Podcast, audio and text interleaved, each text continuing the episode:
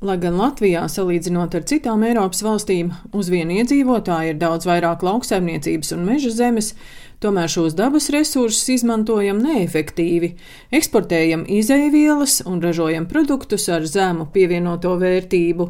Rīgas Tehniskās Universitātes vides aizsardzības un siltuma sistēmu institūtā radītais digitālais modelēšanas rīks sniegs zinātniskas rekomendācijas politikas veidotājiem, kā dažādi politikas instrumenti, tā skaitā subsīdijas un likumdošana, var palīdzēt ražot gudrāk un ilgtspējīgāk, stāsta RTU vadošā pētniece Lauma Žihare. Mēs skatāmies uz bioekonomikas resursiem, kas ir mežsaimniecība, lauksaimniecība un zivsaimniecība. Protams, arī gan pārtiks ražošana, gan kokapstrāde, Arī mēs skatāmies, kādas tad ir esošās tehnoloģijas, kādas ir to izmaksas, lai mēs varētu arī caur šīm tehnoloģijām tālāk um, modelēt to optimālo scenāriju, kas būtu ekonomiski izdevīgākais.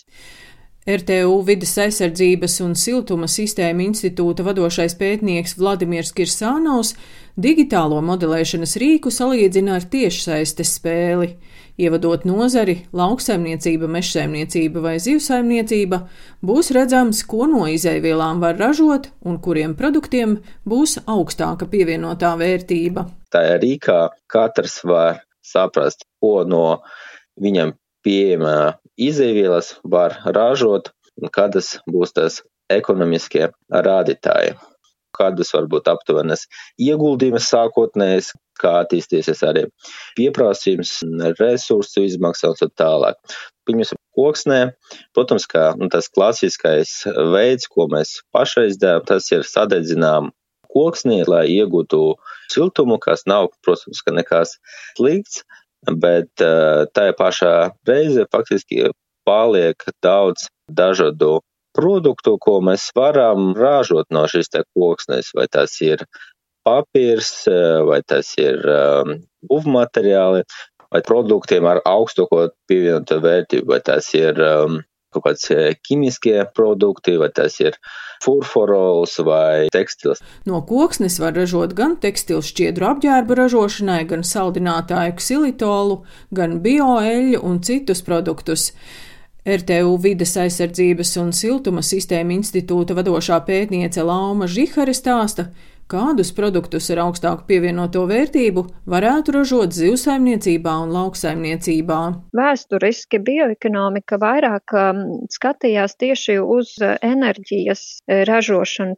Tad e, šobrīd mēs lauksaimniecībā ļoti daudz izmantojam resursus pirmās paudzes biodegvielas iegūšanai.